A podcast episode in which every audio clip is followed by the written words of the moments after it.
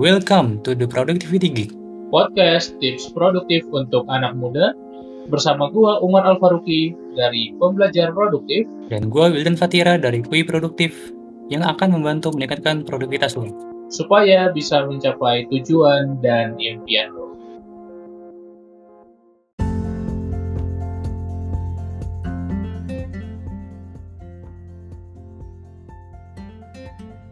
Halo halo listeners, The Productivity Geek kembali lagi di podcast kita bersama gua Umar dari Pembelajar Produktif dan Wildan dari Quick Produktif dan kita akan terus memberikan tips-tips produktivitas supaya lo bisa mencapai tujuan hidup lo. Kita akan sapa dulu Wildan. Halo Wildan, gimana kabarnya? Halo Mar, sehat-sehat di sini kok. Aman. Aman ya, Iya. alhamdulillah sehat ya. Dan kita juga harus terus jaga kesehatan, stay safe, stay healthy. Karena lagi naik juga ini Omicron kebetulan guys, jadi stay safe terus.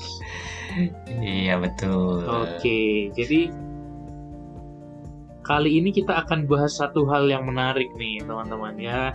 Kita akan bahas tentang apa-apa aja skill keterampilan yang dibutuhkan di tahun ini, tahun 2022 yang perkembangan teknologi sebegitu cepatnya, sebegitu luar biasanya. Hmm. Dan pada akhirnya kita harus bisa adapt gitu ya. Kita harus bisa beradaptasi dengan kebutuhan-kebutuhan terutama yang diperlukan industri saat ini. Jadi di episode ini nggak akan banyak basa-basi sebetulnya. Kita akan langsung bahas dan nanti cara mainnya gue akan bahas tiga skills. Wildan juga akan bahas tiga skills. Dan by the way kita belum tahu nih sama-sama satu sama lain belum tahu skill yang mau dibahas apa. Iya. Jadi ini bakal menantang juga gitu ya. Jadi kita akan coba discuss Hmm. apa skill yang diperlukan, kenapa skill itu penting, dan yang terpenting lagi gimana lo bisa mendapatkan skillsnya. Oke, jadi kita mulai langsung dari Wildan kali ya Will. Jadi kita bisa tektokan gitu ya dari dulu. Oke, dari gua. Skill yang wajib dipelajari di 2022 itu pertama ada bahasa asing. Kenapa sih bahasa asing itu perlu dipelajari? Oke, karena itu emang wajib banget. Itu karena di globalisasi ini emang ya banyak perusahaan yang multinasional dan internasional lah. Itu ya, kebanyakan itu bahasa Inggris itu. Sedangkan kan perusahaan asing juga banyak invest di Indonesia kan contohnya kayak McKinsey ya Betul. bener sih ejanya McKinsey atau Mc- McKinsey, betul. ya oh ya gitulah McKinsey. ah itulah pokoknya Heeh. iya gitu itu udah mutlak sih Mar ya karena kan udah bahasa bahasa internasional juga nah kan Betul betul. Jadi memang harus kita menguasai ya. Iya Ada tips nggak dari lo gimana cara menguasainya skill bahasa Inggris, bahasa asing? Eh, kalau bahasa asing itu simpelnya adalah ya kita start from small aja sih. Misalnya kan bahasa Inggris Hmm. ya.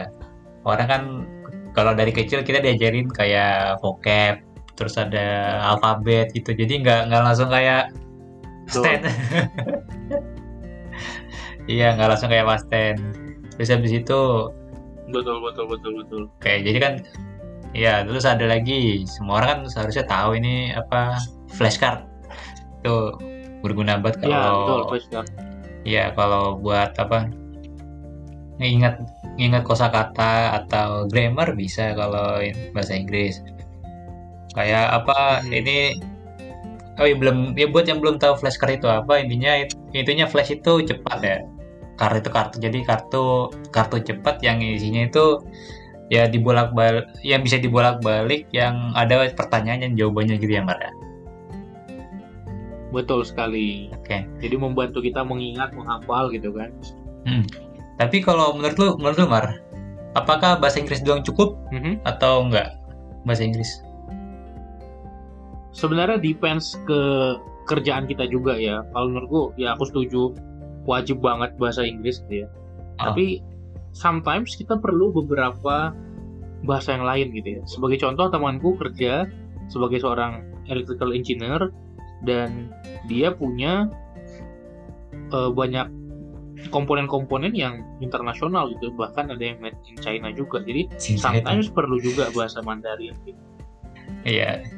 jadi Eh, tergantung kerjaan sih kalau ah. tuh yang Inggris wajib yang lain tuh depends Tapi kalau menurut gue gini Mar, multi language itu Mm-hmm. eh, benar-benar dibutuhin sih buat tiap orang multi ini multi Kenapa language. Ya nggak bahasa Inggris dong itu nggak cukup Mar. Lu apa ya? Lu bisa belajar bahasa sambil belajar budayanya. Itu. ah betul betul Ah. betul betul Ya kayak gua. Gua apa ya buka-bukaan bahasa Jepang ya masih basic lah. Ini gue ujian, gue tinggal ujian aja sih yang N5 tapi karena agak rempong ya pandemi pandemi gini agak rempong. Sama ini deh. Lu bahasa daerah, bahasa daerah gimana?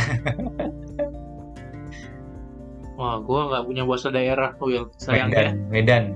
Apa Batak ya Batak ya apa ya sebenarnya kalau di Medan kan di Medan tuh sehari-hari itu nggak bahasa daerah tapi memang bahasa Indonesia Oh, tapi kalau darahnya gua Aceh memang dari kecil udah di Medan gitu. Jadi ya nggak ada bahasa daerah yang gua kuasai memang.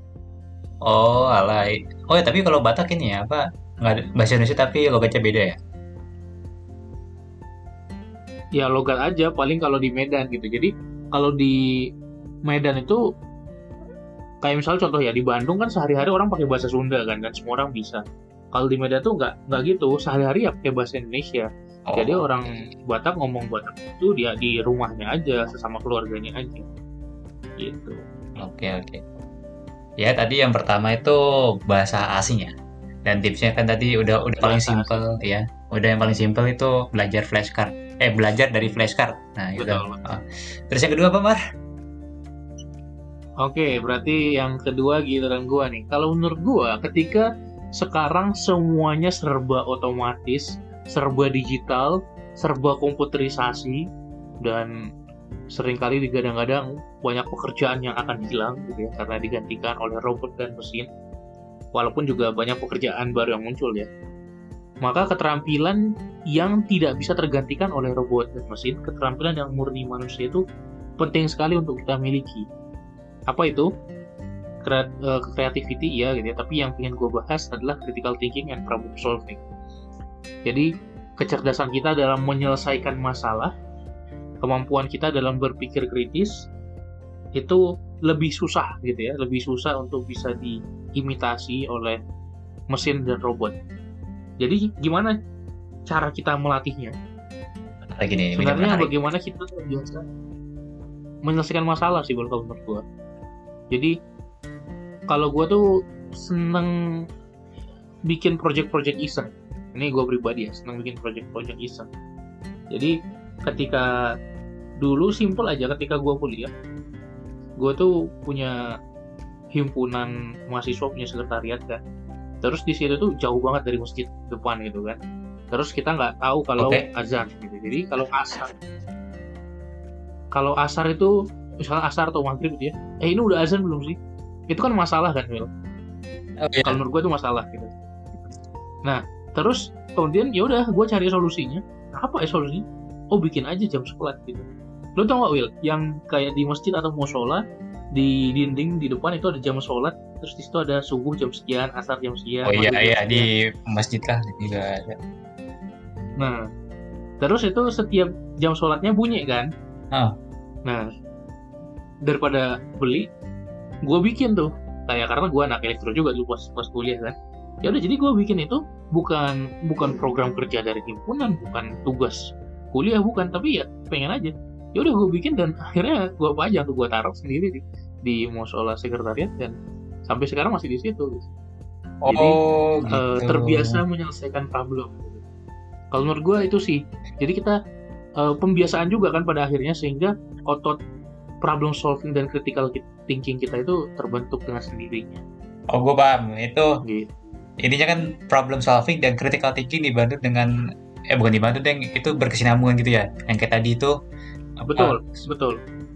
ya yang, ta- kayak- yang kayak tadi ada problem ini apa yang itu ya, azan azan sholat asar yang nggak nggak ada gitu di ini yang di kantor kantor apa sekretariat ya sekretariat nggak Ya. nyampe kan karena jauh dari masjid yang nggak kedengeran lah intinya nah terus habis itu lu dari otak lu muncul kreatif kreatif thinking sama ya critical thinking itu. Problem solving. Iya problem Yes. ya tiga tiganya lah. Nah, la- lalu muncul ini apa lu iseng bikin tools. Bik- ya bikin ini lah apa ngotak ngatik program ya apa namanya auto azan gitu. Iya betul. Jadi ya hardware-nya iya software-nya iya. Dan seru gitu sebenarnya ketika ngerjainnya ya seru banget gitu tapi yang gue sadari dulu nggak sadar Hmm. sekarang baru sadar oh karena itu kan masih salah satu dari banyak project iseng gue kan Hmm. ternyata itu semua yang membentuk keterampilan problem solving sekarang ini gitu loh oh, I see I see ininya apa Gitu. ya jadi teman-teman Mhm. gimana gimana Gal? gimana gimana tadi jadi teman-teman bisa mencoba mengupgrade skill problem solving critical thinking-nya Hmm. caranya sebenarnya simpel. Lu lihat sekitar lu entah itu di rumah lu di kantor lu di kampus lu buat yang masih kuliah apa satu masalah yang lu resah? Udah gitu aja. Masalah yang lu gatal gitu kesel nih ini kenapa sih nggak diselesaikan? Ya lu coba munculkan solusi-solusi sederhana yang lu bisa. Udah bikin itu. Gitu aja sebetulnya. Jadi masalah-masalah sederhana kita pecahkan dengan Ah. eh, satu solusi gitu. Dan dilakukan dengan project-project iseng tadi gitu. Iya. sih saran gue buat lo kalau mau upgrade skill ini. Iya dan gue juga nambahin sih Mark. Apa lu latihan? Eh, latihan.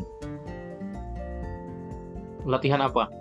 Ya latihan ap- ap- kayak tadi tuh apa namanya lu nemuin masalah habis itu ya lu bisa berpikir out, out, out of the box Ah. gitu gitu. Betul. Latihan. Betul betul. Ya memang betul. Harus dilatih betul. Harus latihan oke Oke. mantap mantap oke kita lanjut ke skill ketiga deh Will ayo Will silakan. Oke kalau skill ketiga langsung gua buka-bukaan itu data analitik. Soalnya kenapa? Data itu sam- sampai sekarang itu apa ya eh, sumber daya yang paling dibutuhkan. Hmm, sumber data yang paling dibutuhkan. Misalnya kayak apa? Data sebagai apa eh, untuk bisnis nah itu untuk Yes. ya bisa untuk kayak menentukan strategi bisnis gitu contohnya kayak statistik penjualan terus apa lagi? Eh, cuan atau apa boncos gitu. Tapi yang lebih Betul, betul. keren lagi ini jadi kombinasiin sama coding jadi, data science. Nah Ah, menarik itu lagi menarik. seksi sekali pekerjaan itu sekarang. Foto ya lagi seksi cuannya gede dibutuhkan di mana-mana. Sedangkan ya, ya itu apa banyak yang nyari. Gitu mar. Betul betul betul. Heeh. kalau buat ayo kita belajar data science. Eh gue baru eh, itu ada ini loh ilmu Pythonnya di data science. Ya. Ilmu Python Betul. ilmu matematika gitu. gue gue sempat iseng sih belajar ini tapi apa ya nggak gue terusin lagi. gue juga sempat belajar data science soalnya dulu Will Ah. dan sem- sempat ngajarin juga sih sebenarnya. Jadi kayak di bulan kita ada apa ya training ya, workshop gitu. Jadi emang gue sempat ngajarin juga gitu. Jadi gue sempat bikin project-project iseng data science juga. Yang pertama karena gue matematik gue jago lah dulu terus gue juga dulu eh, asisten dosen statistika. Jadi statistik gue ngerti. Terus ya emang kuliah gue banyak programming juga kan. Jadi sehari-hari Python makanan gue gitu. Jadi ketika nggak belajar data science ya dasar-dasarnya at least udah punya gitu. Makanya seru juga ketika dulu mempelajari. Ternyata sekarang malah makin dibutuhkan skillsnya ya. iya apa 20 tahun lalu nggak ada apa-apa sih ini data science itu. 15 ya 15 tahun. Betul. Nggak ada apa-apa sekarang benar-benar dibutuhin loh. Tapi apa ya betul. nggak cuma data science doang. Data visualization data analitik itu semua dibutuhin mar data visualization betul, gimana betul. apa ya kita mengolah data dengan desain grafis yang benar-benar cantik Betul. dan bisa dibaca orang dan dipahami juga sama orang. Nah kalau data ini data ana- analisis ya kita analisis data bisa dengan aplikasi tertentu gitu nggak pakai coding-codingan. betul Nah dan untuk tips belajarnya ya ya semua orang pasti tahu kita mulai dari aja. Ini kan saudara data science ya. Data science itu uh, pilarnya macam-macam kan. Itu ada matematika, ada Python, ada satu lagi bisnis. Itu. Yes. Uh, kalau ya bisnis itu kita pelajari apa uh, bisnis model kanvasnya. Sedangkan Python kita belajar ini uh, basic coding, sedangkan matematika kita belajar kayak statistik gitu ya. Statistik sama grafik. Betul, grafik. statistik paling utama. Uh, itu yang harus diingat tuh buat apa teman-teman listener yang mau mau buat belajar data science. Tuh. Dan Oke, berarti matematika, matematika, matematika, matematika, programming, programming sama bisnis. dan bisnis. Iya, Oke. soalnya itu apa ya? Ben, dari data science itu benar-benar nentuin keputusan ke depannya buat bis- bisnis itu seperti apa, gitu mas. Betul. Nanti ada prediktif analisis, preskriptif analisis, ada empat. Oke, kita nggak ngomongin teknis. teman-teman belajar aja lah ya. Ya kita nggak ngomong. Jangan jangan jangan Jangan, ke situ jangan, ya. jangan, Oke oke. Sama satu lagi tentunya emang ilmunya nggak nggak gampang ya. Lo tetap cari mentor. Betul, Iya, betul. tetap cari mentor. Ya PDKT sama mentor lah. Sangat membantu sih Iya. ada mentor. Aha. Sip, sip. Oke, sekarang ke empat ya. Apa? Oke, skill keempat yang diperlukan di tahun ini, ya. Nah, menurut gua sebetulnya dari dulu perlu ya, tapi sekarang somehow semakin terasa perlunya itu personal finance atau keuangan pribadi. Oh, gue nggak kepikiran Jadi- soal itu, Mar. iya. Itu Nggak wah, nggak kepikiran ya, kita kayak kayak kepikirannya ya udah yang terdisrupsi industri, ya kan, Eh, yang berkaitan dengan industri 4.0. Nah, ternyata sebenarnya ada satu hal yang sederhana, tapi ya sekarang semakin banyak, semakin banyak aja case-case yang muncul ke permukaan, semakin relevan saja, dan akhirnya semua orang butuh gitu ya. Dan ini adalah satu eh, sat- personal finance menurut gua satu skill set yang mudah dibuat pembelajarannya. Tapi ya nggak ada di, di kurikulum pendidikan formal gitu. ah, itu Jadi, apa bingung ya? juga sebenarnya. Kayak gimana gitu kan? Ya akhirnya kita belajar sendiri kan? Iya, belajar sendiri. Yang dan sus- kenapa penting? Ya of course. Karena ya siapa nggak- siapa yang nggak butuh uang gitu kan? Dan semuanya juga perlu dikelola diatur supaya kita bisa memenuhi kebutuhan dan keinginan kita sehari-hari nah tapi gue pingin share cara belajarnya Will nah ini ini yang boleh, boleh, boleh. nih gue gue pengen bocorin ke listener The Productivity Geek mungkin kalau orang finance sudah banyak yang tahu ya tapi kalau orang awam mungkin eh, belum banyak yang tahu namanya piramida keuangan ya atau financial pyramid Oh, piramida keuangan. Nah. Hmm, lu, lu pernah dengar ya pernah. nah ini biar kita share ke teman-teman nih. Jadi sebenarnya banyak ya variasinya piramida keuangan dan itu nggak masalah jadi Ini sama ada aja ya, sama aja. level-levelnya. Jadi, level 1, 2, 3, 4, 5. Nah, level 1 itu ya sebenarnya biasanya kalau gue pengen kasih taunya ada level 0 lah at least gitu ya kalau lu punya utang yang banyak ya itu diberesin dulu gitu tapi kalau itu asumsinya udah beres level 1 itu sebenarnya manajemen cash flow cash flow ya harus kas. Intinya pemasukan dan pengeluaran kita at least kita catat lah kita tahu lah berapa eh, sekian ke mana sekian ke mana dan juga dana darurat ya. Jadi seenggaknya kita bisa punya aman dulu. Nah dana darurat ini bisa 6 sampai 9 kali pengeluaran bulanan kalau tuh yang single 9 sampai 12 kali yang untuk menikah dan seterusnya tambah 3 tambah 3 untuk eh, yang punya anak dan seterusnya. Nah kemudian level 2 itu kita manajemen risiko caranya apa? Caranya proteksi misalnya dengan asuransi gitu ya BPJS dan seterusnya. Jadi ada yang melindungi kita kalau kita kenapa kenapa nah memang tahap 2 terbawah ini level level 2 ini masalah keamanan. Nah beda ya keamanan keuangan. Nah kemudian level 3 itu baru ya tujuan keuangan kita apa? Nah jadi tujuan keuangan ini barulah masuk ke eh, hal-hal yang berkaitan dengan investasi Iya. jadi kita coba cari portofolio investasi atau instrumen investasi yang kita pahami ada stok ada saham ada reksadana dan obligasi dan kawan-kawannya kita nggak bahas detail itu Enggak Kemudian yang keempat baru dana pensiun.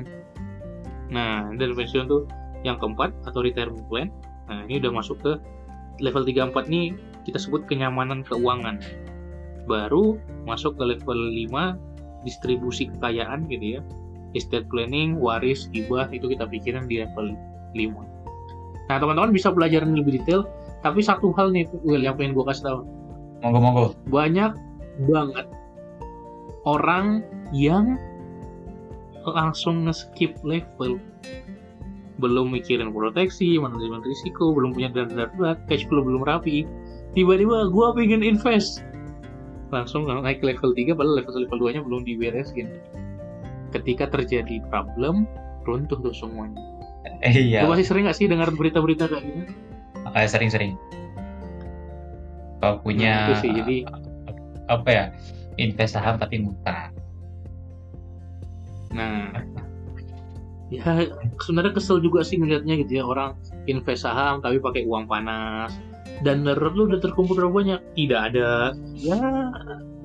Ya tapi memang banyak yang terjadi gitu. Jadi eh, listener produk jadi udah punya frameworknya lah tadi. 5 level eh, diberesin dulu dari level 1, level 2 dan bertahap sampai level ke atas. Gitu sih Will kalau dari gua. Itu yang udah poin keempat. udah ini sih detail yang tapi sebenarnya sih dari sa yang setahu gue ya piramida keuangan itu level 1, 2, 3 level 1 itu aman. Level 2 nyaman. Terus level 3 nya tentram kayak gitu deh. Udah paling simpel itu. Nah sedangkan lu udah jelasin yang lebih spesifik lagi gitu. Udah oke sih. Hmm. ya oke. Oke, cool. Lanjut yang kelima, Will. oke dari gue yang terakhir. Itu sebenarnya skill yang setiap orang benar-benar wajib di 2022 wajib jip jip jip. Nah, itu apa? Komunikasi Oke. komunikasi itu vital loh. Apa ya dalam bisnis atau kerja kerja itu penting banget. Jadi kayak nggak melulu soal penyampaian lah. Jadi kayak gimana cara mempengaruhi audiens gitu dalam bertindak. Ya. Jadi untuk bisa mempengaruhi audiens itu dengan baik keterampilan komunikasi itu perlu dipelajari. Intinya bisa lisan bisa tulisan. Tuh. Nah itu contohnya gimana? Eh contohnya kayak misalnya komunikasi asertif itu contohnya komunikasi asertif. Itu gimana kita menolak dengan cara yang elegan itu cara yang elegan gimana Hmm. maksudnya? Ya nggak nyakitin perasaan orang. Itu jujur sih itu gue masih Betul, betul. masih belajar ini dalam komunikasi apa asertif. Tapi kalau buat prakteknya sih apa ya ya nggak nggak nggak nggak begitu gampang gitu yang gue alami sih nggak begitu gampang buat apa praktek komunikasi gitu karena kan salah satu Tipsnya ada nggak? Satu tips saja. Gitu. Oke. eh s- ya tips dari gua itu emang apa ya? Lo pahami orang lain dulu deh. Kalau membuat komunikasi baru apa namanya? Baru ya kita apa ya bahasanya? ya?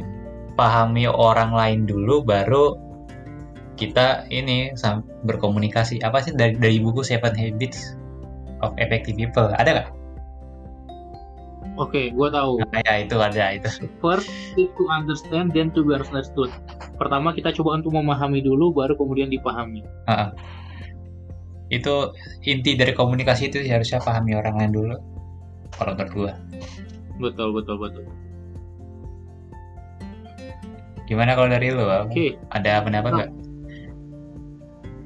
ya kalau menurut gue sebenarnya komunikasi itu ya perlu dilatih, of course ya perlu dilatih gitu. ya. Kalau menurut gue yang bisa ditambahkan adalah bagaimana kita memahami eh, karakter sifat kepribadian orang lain. gitu. Karena cara kita ngomong ke orang thinking sama orang feeling mungkin bisa dibedakan. Walaupun message-nya sama, tapi kemasannya mungkin bisa kita buat berbeda supaya lebih kena ke orangnya, supaya lebih nyambung, supaya lebih relate. Kemudian ketika kita jelasin sesuatu, kita bisa kasih contoh-contoh yang relate ke konteks orangnya. pekerjaannya, kesehariannya. Itu adalah skill yang sangat berguna sih kalau menurut gua gitu. Sehingga apa? Sehingga kita ketika ngobrol tuh lebih nyambung, orang ngerasa sefrekuensi dan membuat kita lebih mudah untuk berrelasi, berjejaring, networking juga. Gitu sih kalau dari gua, Will. Oke lah, mantap-mantap. Berarti udah eh, satu persepsi ya makanya ini kita berdua. Mantap. Iya. Oke, yang terakhir. Oke. Oke, kelas yang keenam dari gua apa sih skill yang menurut gua paling penting? Kalau menurut gua satu hal yang harus kita miliki adalah learning and adaptability. Jadi kita punya keterampilan untuk belajar sesuatu gitu ya. Di podcast sebelumnya kita juga sudah sempat bahas tentang meta learning bareng Iwan. Iya. Jadi gimana caranya kita bisa belajar sesuatu lebih efisien, lebih efektif karena tergantung cara kita belajar gitu. Jadi active learning gitu ya, learning strategi itu perlu banget kita kuasai. Gue kasih contoh gue sendiri deh. Karena gue bisa uh, akuisisi beberapa skill itu lebih cepat, gue bisa ngehandle lebih banyak daripada orang lain gitu. Sebagai contoh, karir gue sebagai content creator, ya website create sendiri ya apakah gue langsung jago? Ya enggak gitu. Tapi kan gue pelajari tuh WordPress Elementor cara ngedesain uh, landing page segala macam nah tapi karena ada fast learning di situ yang diakibatkan learning strategi yang tepat jadi gue bisa handle itu dengan dengan baik. Mantap. dan banyak lagi bidang-bidang lainnya. Jadi, jadi kalau lo yang lagi dengerin sekarang listener productivity geek please lu juga harus pelajari cara lu belajar, strategi lu belajar, pola lu belajar, supaya yang gua share sama Will, yang gua sama Will dan share dari awal tadi, itu lu bisa belajar dengan lebih cepat, lebih efisien, dan lu bisa mendapatkan lebih banyak skill dalam waktu yang lebih sedikit. Gitu sih Will, kalau menurut gue itu penting banget sih. Ini berarti lu ini ya apa Dari lu ada tanggapan? Eh, punya style sendiri buat belajar ya? Masing-masing orang itu punya style sendiri buat belajar. Kayak- Betul, Kayak banyak banget ah, ini. Mungkin yang paling populer kan VAK ya, yang paling, paling populer gitu kan. Tapi sebenarnya di luar itu juga atau di dalamnya itu banyak lagi sebetulnya. Iya, da- da- dari itu apa intinya hemat lah gitu. Ya intinya belajar belajar dengan cara efisien. Gitu. Betul. Nah, tapi kalau dari gua sih, Yes, gua yes. gua belajar Satu. apa? Mhm. Oh, gue gue gue deh. Kalau dari gua gua belajar Lanjut emang. lu dulu, lu belajar gimana? Oh, gua gua belajar ini apa? Apa pun ya, ada ada gambar ada hal yang bergambar itu menarik buat gua ya gitu. Ya, kayak video Visual terus ya berarti gua ya? orang- oh iya dari kecil gua visual ini. Mm. Sama kalau efisien oke, oke. efisien sih tergantung tergantung mar. Kalau efisien apa ya? Lu beli kelas yang murah misalnya atau lu belajar gratisan bisa tapi kalau apa isi- isinya kayak dikit itu ya percuma sih nggak nggak dikit juga tapi kayak Iya, iya, iya. zero apa zero bukan zero value apa less of value gitu ya zero Jadi kita harus Eh, perhatikan juga apa yang kita eh, dapat ketika kita invest ke diri kita ya. iya Betul, betul, betul, betul. oke nggak Oke sih, oke, oke. Gue setuju sih dengan tipsnya. Kalau dari gue paling tipsnya bagaimana kita lakukan experiential learning. Mungkin lo udah akrab dengan istilah learning by doing. Hmm. Jadi triknya sebenarnya gini. Misal eh, nanti sore gue ada sesi webinar. Yang gue lakukan adalah gue coba cari satu tips public speaking, satu trik baru, satu metode baru di public speaking yang bisa gue terapkan langsung ketika nanti gue ngisi webinar. Jadi tanpa sadar gue terbiasa untuk melakukan skill acquisition gitu. Karena kan kalau skill kita pelajari kita baca nggak diterapkan ya nguap gitu kan. Jadi kita Oh, cari iya. kita oportunis terhadap kesempatan-kesempatan. iya Misalnya kita oh besok gue ngumpul nih sama teman-teman atau eh, ikut sebuah party atau datang ke networking event ya udah langsung coba baca di internet gitu ya apa skill-skill networking yang bisa kita terapkan langsung gitu jadi kita oportunis terhadap peluang-peluang yang ada dan menambahkan skill baru di setiap kesempatan itu sehingga kita terbiasa menambahkan skill baru dalam diri kita Nah, itu sih yang bisa teman-teman terapkan. Mantap, mantap. Boleh banget kayak gitu, Mar.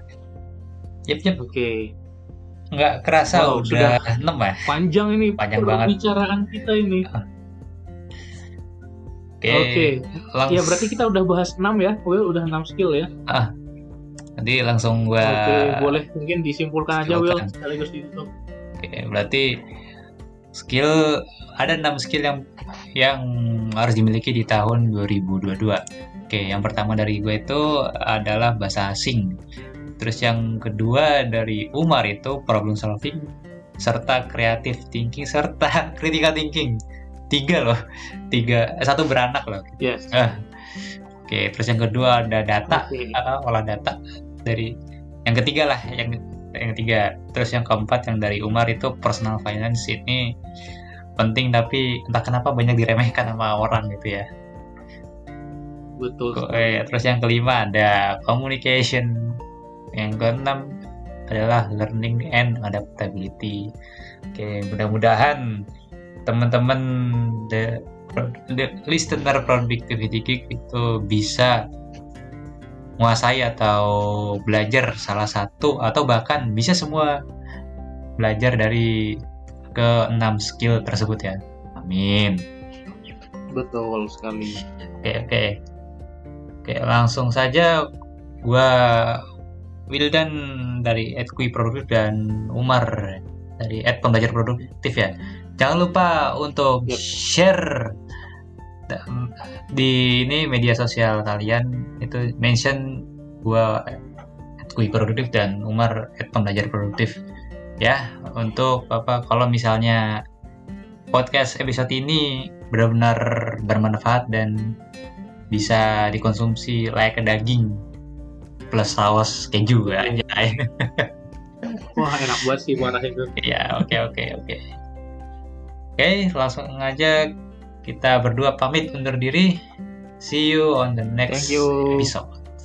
Thank you, thank you. See you teman-teman. Bye. Bye.